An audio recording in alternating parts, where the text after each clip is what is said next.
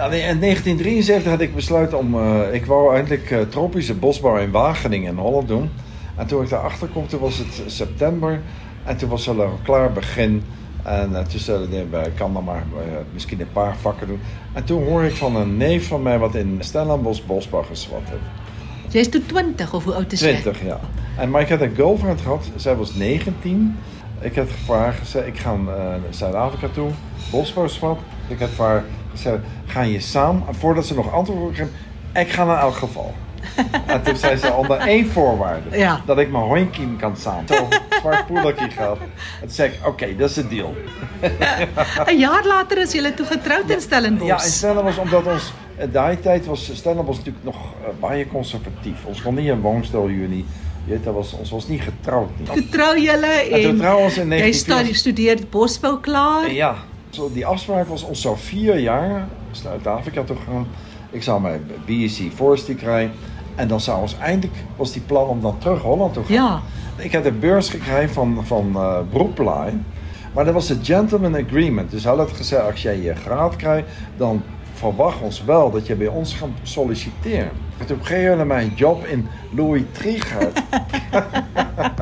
kan je dit voorstellen? Ja, intussen het jy besluit maar jy wil eintlik terug gaan Stellenbosch Ja. toe en dit was ook 'n hele ander lewe. Ja, nee, want ons had natuurlijk eerst eh, twee jaar in, in, eh, bij Chevera Timbers, daarboven in, in die Zoutpansbergen.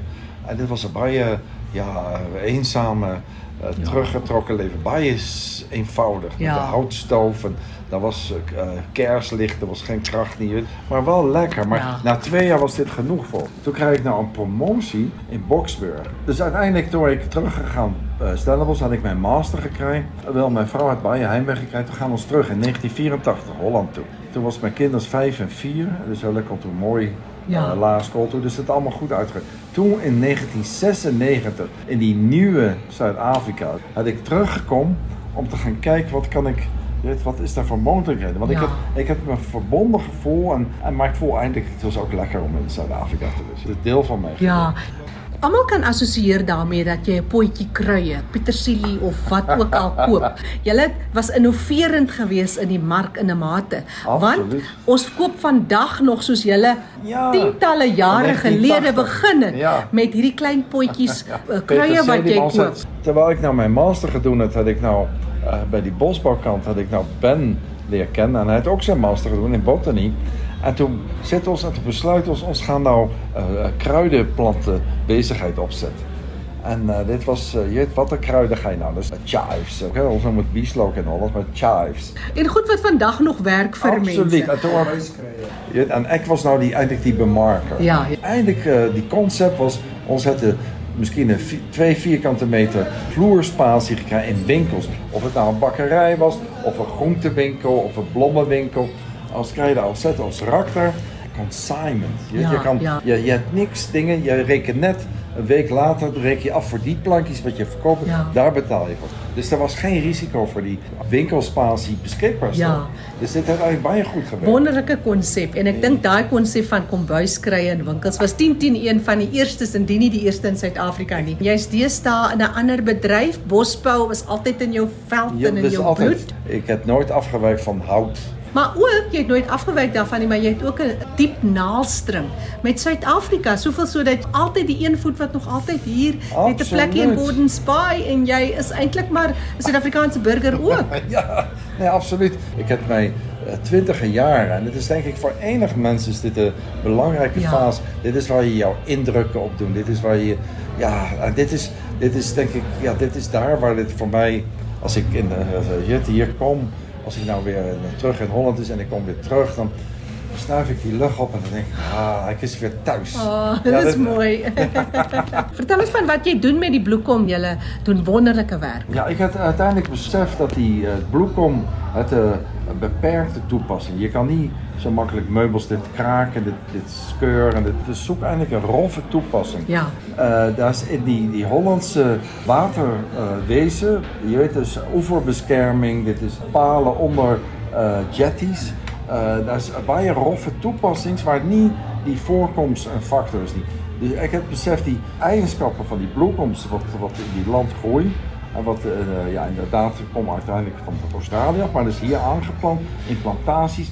Daar is dus een duurzame, uh, volhoudbare bron die juist dezelfde tropische hardhoutsoorten eigenschappen heeft, vergelijkbaar, maar het, is, het lijkt niet zo mooi als uh, tropisch hardhout niet, maar er is waar je toepassing waar dit ook niet, dat is niet een factor niet dit staan in die water, er is niet, niemand wat kijkt nou, dit, daar zit nou een kraakje. Ja, dat is functioneel. Ja, dat is mm. functioneel en het heeft die eigenschap en het is volhoudbaar van duurzame bron. Ja. En dit is wat eigenlijk, uh, we allemaal wel, je als wil niet die tropische regenwouden kap en, en weet, dit, is, dit groeit 200 jaar weer om aan te groeien. Dit is niet volhoudbaar. Ja, en dit staan stewig eintlik, die besigheid. As ek nou dink aan daai paal in die oewer wat jy van praat oor beskerming in die, ja. in die jetties, was so ook hierdie besigheid. Soveel sodat jy nou kan uitbrei na buurlande in Suid-Afrika en groot geleenthede vir werkskepping. Absoluut. Ja, dis honderde mense wat ons aan die aan die werk hou. Want dit is uh, mense wat in die plantasie werk, wat die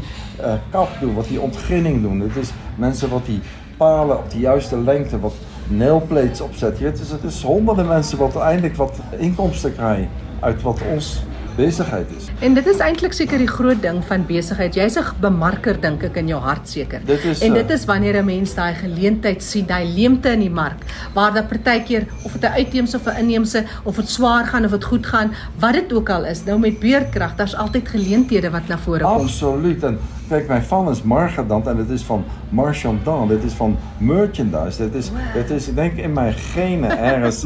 met mijn naam. Ja, dat is waar. Uh, kijk, ons het gezien, uh, Zuid-Afrika het nou, die bosbouw het piekje verzwakt.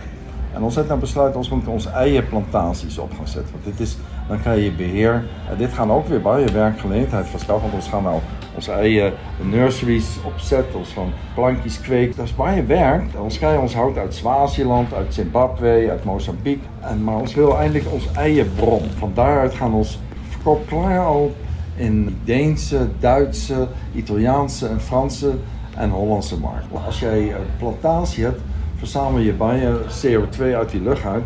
Dit wordt dan gecaptured in jouw boom. Maar als je die toepassing dan ook nog eens, dat een keer gaat het in die grond of in die water. Dit, komt eigenlijk nooit meer terug. Dit is ook een type van een uh, carbon, ja, kan je zeggen, capture. Storage.